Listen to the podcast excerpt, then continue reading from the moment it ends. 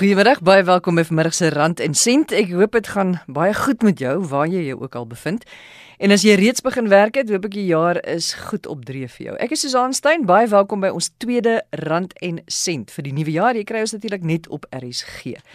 Nou, vanmiddag is dit die tweede gesprek in ons reeks van 6 oor finansiële geletterdheid. En soos ek verlede week aan die begin van die reeks gesê het, Dit is vir almal wat graag beter kennis wil hê, meer kennis wil hê van hoe jy jou finansies tuis self suksesvol kan bestuur.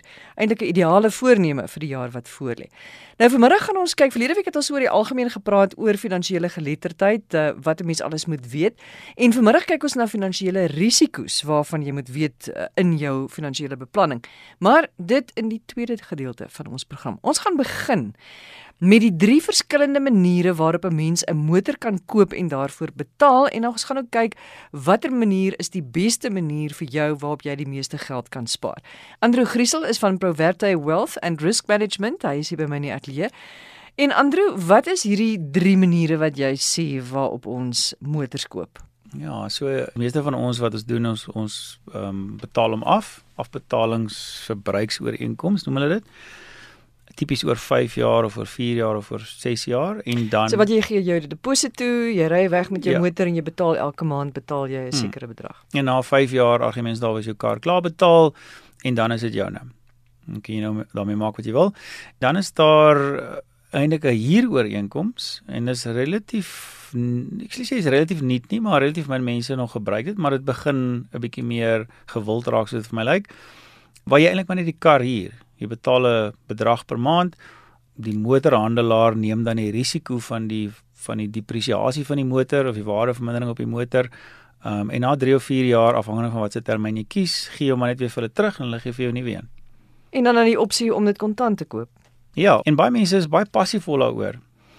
Jy weet ek het onlangs 'n artikel daaroor gedoen en en 'n paar manne het vir my vir my lang e-mails geskryf oor dit en oor waarom hulle voel dat kontant koop is by verre die beter opsie. En ons kan miskien net vinnig daarby stil staan. Asseblief, ons ek sal graag wil stil staan by elkeen en kyk wat is die voordele, wat is die nadele.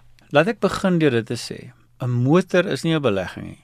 Behalwe as jy 'n antieke motor is. So kom ons vergeet gou van antieke motors. Ons praat nou van run of the mill kar waarmee jy of 'n motor waarmee jy werk te ry en terug.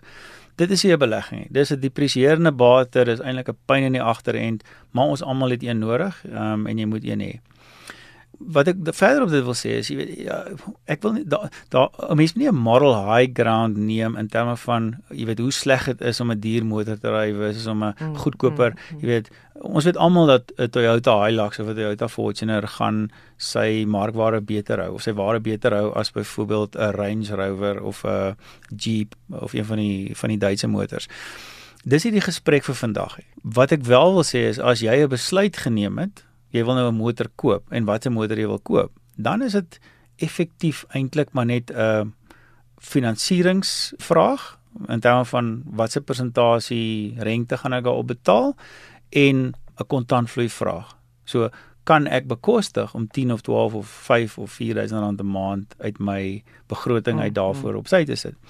Wat mense wat kontant koop dalk uit die oog verloor of ek, ek vermoed uit die oog verloor is en, en, en jy het mos nou die argumente van ja maar as ek kontant koop het ek dalk 'n beter onderhandelingsmag en al daai klas van goed. Hoekom ons parkeer net gou dit en sê maar al die ander goed is dieselfde want onthou as jy 'n nuwe kar spesifiek koop of jy nou kontant koop of finansier dit gaan nie regtig jou transaksie bederf nie. Ja, maar gaan jy nie aansienlik meer betaal as jy die kar finansier as wat jy dit kontant koop nie? So hier's die argument. My vraag is as jy kontant betaal, waar kom die kontant vandaan? Al wat jy doen is as jy kontant betaal, is jy sê ek self is die finansierder in plaas van Absa of Wesbank of wie ook al. So jy moet gaan kyk na wat is die oorsprong van daai fondse? So kom ons sê jy's 'n relatief welgestelde individu en jou geld is hoofsaaklik in die aandelebeurs of in effekte trust of iets van die aard en dis nou tyd om jou kaart te vervang. Ehm um, wat doen jy? Jy gaan trek 400 000 of 500 000 uit jou beleggings uit en jy betaal jou kar kontant. Dit is na my mening nie verskriklik anders as om geld te gaan leen nie, want al wat jy nou doen is jy self as die finansier. So jy sê die opbrengs wat ek sou gekry het in my belegging, gee ek nou prys. So jy betaal nog steeds 'n rentekoers. Maar is jou opbrengs Die noodwendig geleentheidskoste. Maar is jou opbrengs noodwen- noodwendig meer as wat dit is om daai rente te betaal op die kar wat jy wat jy nou hier koop? En dis wat jy vir jouself moet gaan gaan uitwerk. So dis hoekom ek sê dit hang af wat die oorsprong van jou fondse is. As daai geld net in jou bankrekening lê, jy het 600 000 rand wat daar in jou in jou bankrekening lê, jy kry amper geen rente daarop nie. By, by all means, want daar is in elk geval jou opbrengsie, so dit sal beter wees om daai geld aan te wend. Maar as daai geld uit 'n belegging uitkom wat vir jou 10% gee, terwyl die bank vir jou 10% gaan vra, dan sê ek, weet jy wat, finansier dit eerder. Want die pyn van elke maand 'n paaiement betaal is glo my baie groter as om een keer 'n cheque uit te skryf wat uit jou fondse uitkom wat geensins jou dag tot dag Hmm. lewe beïnvloed nie. Die besluit oor watse voertuig 'n ou moet bestuur na my mening is 'n kontantvloei besluit en is 'n is 'n lewenstyl besluit. Persoonlik hou ek daarvan om 'n om 'n paaiement te hê want dit hou my in 'n mate nederig. Daai paaiement omdat dit oor 'n kort periode gefinansier moet word, gaan dramaties op as jou voertuig duurder is of goedkoper is. Die ander probleem wat ek vind met kontant is wanneer besluit mense nee, dis eerder beter om my eie kontant te gebruik. Tipies na 'n periode wat hulle beleggings baie sleg gedoen het. Die redenasie in jou kop gaan iets soos die volgende. Ek moet 'n nuwe kar koop of 'n motor koop. Die bank gaan my 10% vra. My beleggings doen nie 10% nie. Jy weet my beleggings doen net 5% of 4% of 3%. Tipies iets wat 'n mens nou na die onlangse 4, 5 jaar vir jouself sal sê. So kom ons gebruik eerder daai geld. Maar tipies na so 'n periode wag daar waarskynlik goeie opbrengste vir jou beleggings omdat jy nou deur die slegte tyd gegaan het. So jou geleentheidskoste om daai geld onmiddellik te vat, ehm um, is waarskynlik heelwat groter as wat dit by die bank sou wees. En as ons kyk na huur, Die huuropsie is duurder, ehm um, maar nie wesentlik so nie. Uh, jy weet uh, jy moet gaan kyk na wat die wat die motorhandelaars vir jou mm, sê of uitwerk is hulle verwagte depresiasie op jou voertuig. Nou ek vat dit uit my persoonlike on- ondervinding uit. Vir my, elke keer as ek 'n voertuig moet inruil, dan voel dit of iemand my in die maag geskop het. Mm. Want want jy kry so min. Dis unbelievable. Jy weet en en dan weet tipies ouens wat nie te wel mense wat nie so besig is wat sê okay, ek gaan dit nou op Gumtree of ek gaan dit nou langs die pad trek met al daai Mm, risiko's mm, rondom mm. dit. Ek's bereid om dit te doen. Die pyn wat daarmee gepaard gaan, jy weet, van jy moet nou seker maak die ou wat by jou koop is nie 'n skelmie en jy weet. So as ek daai goed alles oorweeg en die feit dat as jy dit wil inhandel dan gee die ouens vir jou R40000 of R50000 onder sy in- in- inruilwaarde en dis jou keuse of jy doen dit of jy gaan Hmm. daai ander roete. Dan vir 'n vir 'n besige sakeman of of mense wat regtig nie tyd het om hierdie goed te spandeer nie, is hierdie huuropsie 'n baie 'n lekker opsie want hy sê okay, ek gaan miskien 'n 1000 of 1500 rand 'n maand meer betaal, maar na 3 of 4 jaar vat ek my motor terug. Ek sê vir hulle thank you very much en hulle gee vir my 'n nuwe sleutel en dan gaan ek. Mm. En jy weet, in jou begroting weet jy, jy kan vir jouself presies uitwerk dis wat ek kan bekostig, maar dan is 'n motoruitgawe 'n permanente uitgawe soos kos en klere. Ja, jy ja. jy budget daarvoor. So as jy sê huur, gaan jy dan jy gaan nie na 'n motorverhuuringsagentskap Nee, nee, nee. nie. Jy gaan na die na die handelaar. toe. Jy gaan na die handelaar toe. Jy huur basically die motor by die by die handelaar en hulle sê vir jou vooraf, dit is wat die wat die ballon paaiement gaan wees. O, interloops, hulle gee vir jou ook die keuse. So selfs al besluit jy om te huur en jy kom na die 3 jaar periode of die 4 jaar periode, dan het jy nog steeds die opsie om vir hulle te sê nee, maar ek wil nou actually die motor koop. Ek wil hom hou. Ja ja. Nou weer eens, hier verskil dit van mens tot mens. Hierdie is nie 'n een one size fit all as die Engelsman sê nie.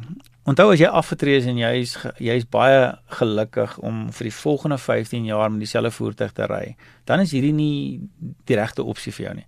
Maar as jy in 'n middelfase van jou lewe as 'n jongerige jongerige persoon is en jy gaan nog vir baie lank werk en jy is iemand wat elke 3 of 4 jaar jou motor vervang omdat jy baie ry of omdat jy 'n juk het soos baie van ons maar het dan dan maak die hier opsie eintlik vir my nogal sin. Die die verskillende opsies.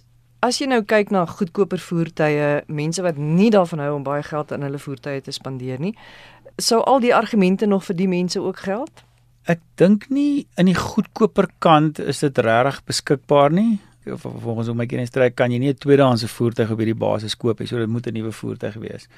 Ehm um, praat jy nou van die huur? Ek praat nou van die huur ja. uh Maar die eerste twee opsies. Die eerste twee opsies kyk, meeste jong mense het het nie die kontant om um, om 'n motor kontant te koop nie. So jy weet ek dink nie dis tipies mense wat al 'n bietjie gevorderd is in hulle hmm. lewe en al miskien naby aan aftrede is wat tipe wat wat uh, motors kontant koop. So vir die werkende jong persoon of die ou in die middelfase van sy lewe is daai bereik hier of gewone hier ja. is gewoonlik maar jou twee opsies. Maar die persoon wat nou op aftrede staan, hy gaan nou eerder sy of sy gaan eerder haar kar Hulle sal wil. Hulle sal wil, maar maar maar ek wil argumenteer dat daar is eintlik 'n vreeslike verskil hier afhangende van hoe konservatief hulle belê ja. is. Want onthou, as jy jou geld uit jou belegging uithaal, haal jy dit onmiddellik uit en jy verloor al die groei wat jy daarop sou gekry het. Dis jou rentekomponent. Jou rente kom eintlik maar net dis dis eintlik maar net 'n stealth rente as ek dit so kan stel. Jy sien dit nie, maar dis 'n dis verlore opbrengs. So dis eintlik maar 50 van die 1 en 'n half dosyn of 6 van die 1 en 'n half dosyn van die ander. So dit bly dit bly 'n cost of capital of 'n koste van kapitaal vraag. Waar kom my geld vandaan waarmee ek hierdie voertuig nou sogenaamd kontant koop? Want al wat ek eintlik daarmee doen is ek sê ek tree op as die finansierder in plaas van die, die bank. Die laaste vraag, hoe gereeld moet 'n mens jou motor vervang? Want aan die een kant wil jy nie te veel verloor op hom nie, so hy moet te ja. oud word nie. Aan die ander kant um, kan jy dalk ook 20 jaar met hom ry. Ja, daai is 'n moeilike vraag. Ek meen en dit verskil van persoon tot persoon. So die probleem is as jy in die luxe mark motors ry en dis hoekom ek hou van die huur opsie, want jy gaan heeltyd current bly as ek dit so kan stel. As jy vandag 'n splinte nuwe BMW argumentsdaal wil koop en jy ry hom vir 10 jaar, is daar geen ek sê as geen manier nie, maar dit gaan vir jou baie pynlike proses wees om dan weer 'n soortgelyke motor te koop. Hmm. Want die die depresiasie op daai motor na 10 jaar is van so aard dat daai gaping tussen wat jy nou weer moet doen om by so 'n uit te kom is baie groot.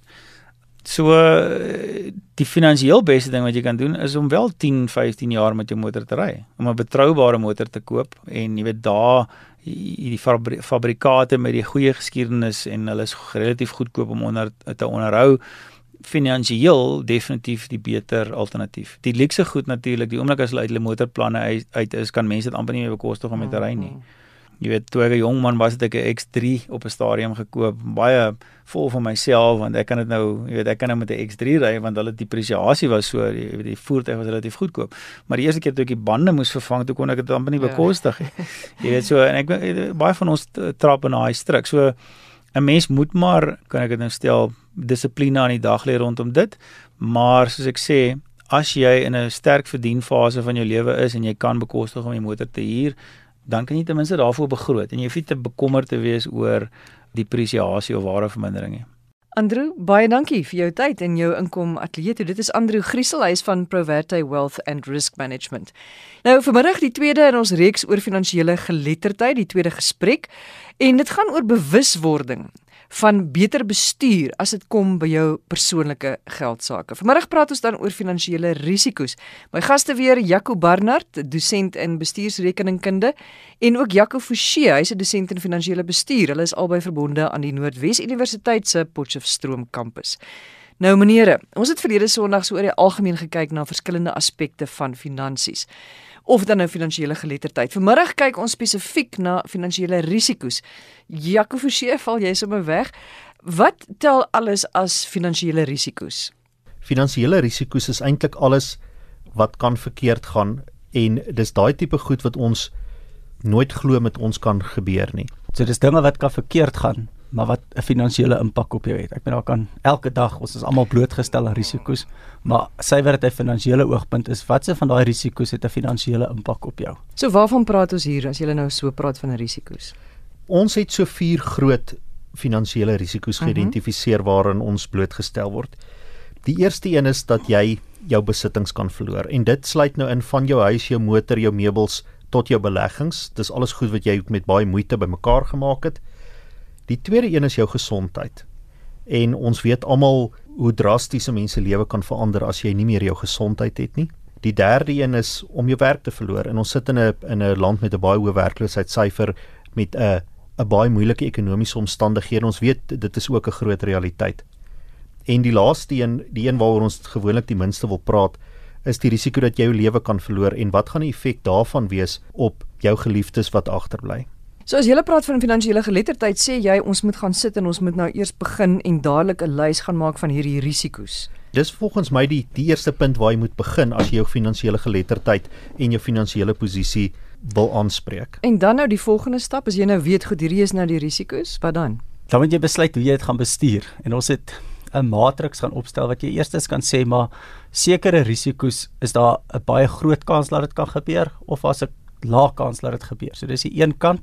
Die ander kant is as daar iets verkeerd gaan, hoe groot finansiële impak het dit? Baie hoë finansiële impak of nie so hoog nie. So as die kans is dat iets gebeur baie laag is en die finansiële impak is baie laag, dan wil ek amper sê dit van die risiko's wat jy net mee saamleef. Dis hier die einde van die wêreld nie as dit gebeur gebeur het. Jy kan dalk begroot daarvoor en 'n voorbeeld daarvan wees sal groter finansiële uh, huishoudelike toestelle. Met ander woorde, as jy dan nou jou besittings verloor, dit is wat jy ja. gesê het Jaco Forsie, die eerste risiko is, jy verloor jou besittings of iets gebeur met jou kar of iets gebeur met jou meubels. 'n Tipiese voorbeeld van so sal wees 'n groter huishoudelike toestel. As jy kyk na jou yskas, hoe gereeld breek 'n yskas? Hmm nie baie gereeld nie. Hy hou omtrent 10 jaar. So dit is nie iets wat gereeld gebeur nie. Wat gebeur as jou yskas breek? Gaan jy bankrot wees? Waarskynlik nie. So in meeste gevalle sal ons dan daardie risiko aanvaar. Ons gaan nou nie versekerings uitneem noodwendig om ons yskas te beskerm vir wanneer hy breek nie. En dieselfde geld dan nou seker iets soos jou televisie of so. Presies dieselfde.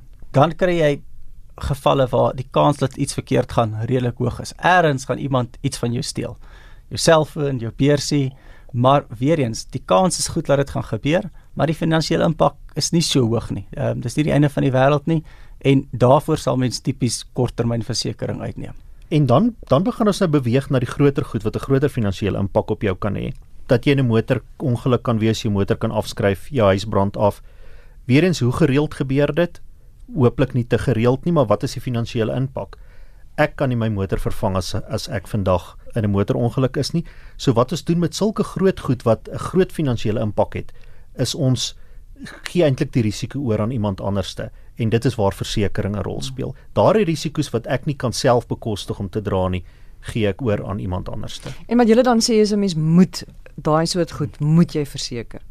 Ja, definitief. Dan sê jy 'n finansiële posisie is om dit te kan vervang, maar ek dink die gemiddelde persoon op straat is nie in die posisie nie. Dan die laaste kategorie is en dit is eintlik simpel om maar te praat is waar die kans dat iets gaan fout gaan baie hoog is en die finansiële impak ook baie hoog en 'n een eenvoudige voorbeeld daarvan is om dronk te bestuur. As jy gaan dronk bestuur, wat is die kans dat daar iets gaan fout gaan? Baie hoog. Wat is die finansiële impak? Baie hoog. Behalwe dat jy jou kar kan afskryf, die hospitaal en alles. So wat doen mens met so 'n risiko? Die antwoord is jy vermy dit heeltemal. Jy kom net teen so 'n posisie nie. So moet jy nie dronk bestuur nie. En dan is daar die die as jy nou byvoorbeeld jou werk verloor en uh, miskien raak jy siek of jy verloor eenvoudig jou werk of jy raak ongeskik, jy kan nie werk nie. Die waarskynlikheid dat dit kan gebeur is ook nou nie 100% nie, maar dit kan gebeur. So hoe moet 'n mens dan nou daarvoor voorsorg tref? Ja, en natuurlik die impak kan traumaties ja, wees. Ja. So ons hou nogal daarvan om te sê dit is om voorsorg te tref is gewoonlik 'n baie beter manier om te begin. Dis baie goedkoper. So die eerste ding wat jy kan doen is om meer as een inkomste te hê sodat wanneer jy jou jou werk verloor daar nog 'n ander inkomste dalk 'n stokperdjie wat wat 'n inkomste genereer kan wees en natuurlik die tweede een wat ons baie keer vergeet is om ons vaardighede heeltyd op datum te hou. Ehm um, sodat ek ek wil amper sê onmisbaar by die werk kan wees om my werk net so goed te doen dat hulle twee keer sal dink om my te laat gaan. Mm. En dan natuurlik terwyl ek nou nog besig is om hierdie dalk bates op te bou wat vir my inkomste kan genereer, gaan ek versekerings dan hê want ek kan waarskynlik nie vir die res van my lewe uh, my inkomste vervang alreeds nie en daarom gaan ek dan versekerings kry om my te beskerm. En die regte versekerings is dan 'n ongeskiktheidsdekking. Dit gaan dan jou inkomstebeskerming of, uh, of ongeskiktheidsdekking ja, wees. Ja, ek dink as ons teruggaan na die vier kategorieë wat ons oor gepraat het oor die die verloor van jou besittings, dis waar jou korttermynversekering inkom, mhm. -huh. die verloor van jou gesondheid, dis waar mediese dekking, mediese fondse inkom en dan ook jou mediese gap versekering soos hulle van praat.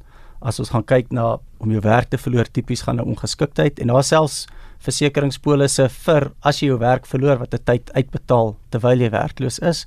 En dan die laaste risiko wat ons oor gepraat het is dood en dis waar jy lewensversekering in plek sal hê om te sorg vir jou familie wat agterbly.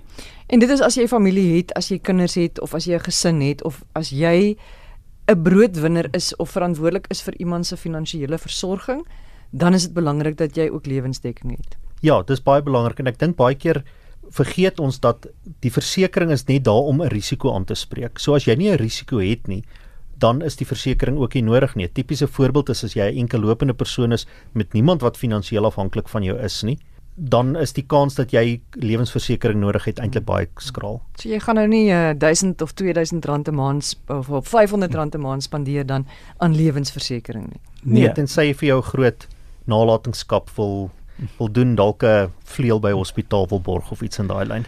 Maar vir so 'n persoon sal tipies ongeskiktheidsversekering baie meer belangrik wees. Ja. Veral as jy nie iemand het wat vir jou kan sorg nie, sodat as daar as jy met jou iets gebeur, en jy is nog hier sodat daar inkomste is om vir jou te kan sorg. Tot wanneer kan 'n mens ongeskiktheidsdekking uitneem? Tot op watter ouderdom? Ek meen want as jy nou die dag 80 is, kan jy nou nog steeds ongeskiktheidsdekking hê. Die gedagte agter ongeskiktheidsdekking is soos ons nou nog gesê het, dit is om jou inkomste te vervang. En meeste mense se beplanning is om so op om en by 65 af te tree. So dit verskil van versekerings, um, maar meeste ongeskiktheidsdekking um, kom gewoonlik ten einde op die ouderdom 65 tot 70. So as iets dan met jou gebeur en jy uh, het nie inkomste nie dan hoop hulle dat jy darm 'n pensioen het wat nou wat vir jou kan versorg. Ja, ek dink as mens verder gaan hier is nou dalk buite finansiële geletterdheid, maar as mens suiwer kyk na finansiële beplanning, behoort jou beplanning so te wees dat die dag as jy 65 is en aftree, dan moet jou soos jy gesê jou spaargeld, jou pensioengeld vir jou daarna sorg en jy dan nie meer ongeskiktheidsdekking nodig as daar iets gebeur nie. Ek is seker as iemand na die program luister wat wat nou miskien aan die begin van die jaar begin werk het of wat volgende jaar gaan begin werk, so 'n persoon gaan dalk dink, ag maar ek gaan nog nie ongeskik raak, jy weet, ek is nog jonk en ek is gesond. Wat is die finansiëel geletterde boodskap wat jy vir so 'n persoon wil stuur?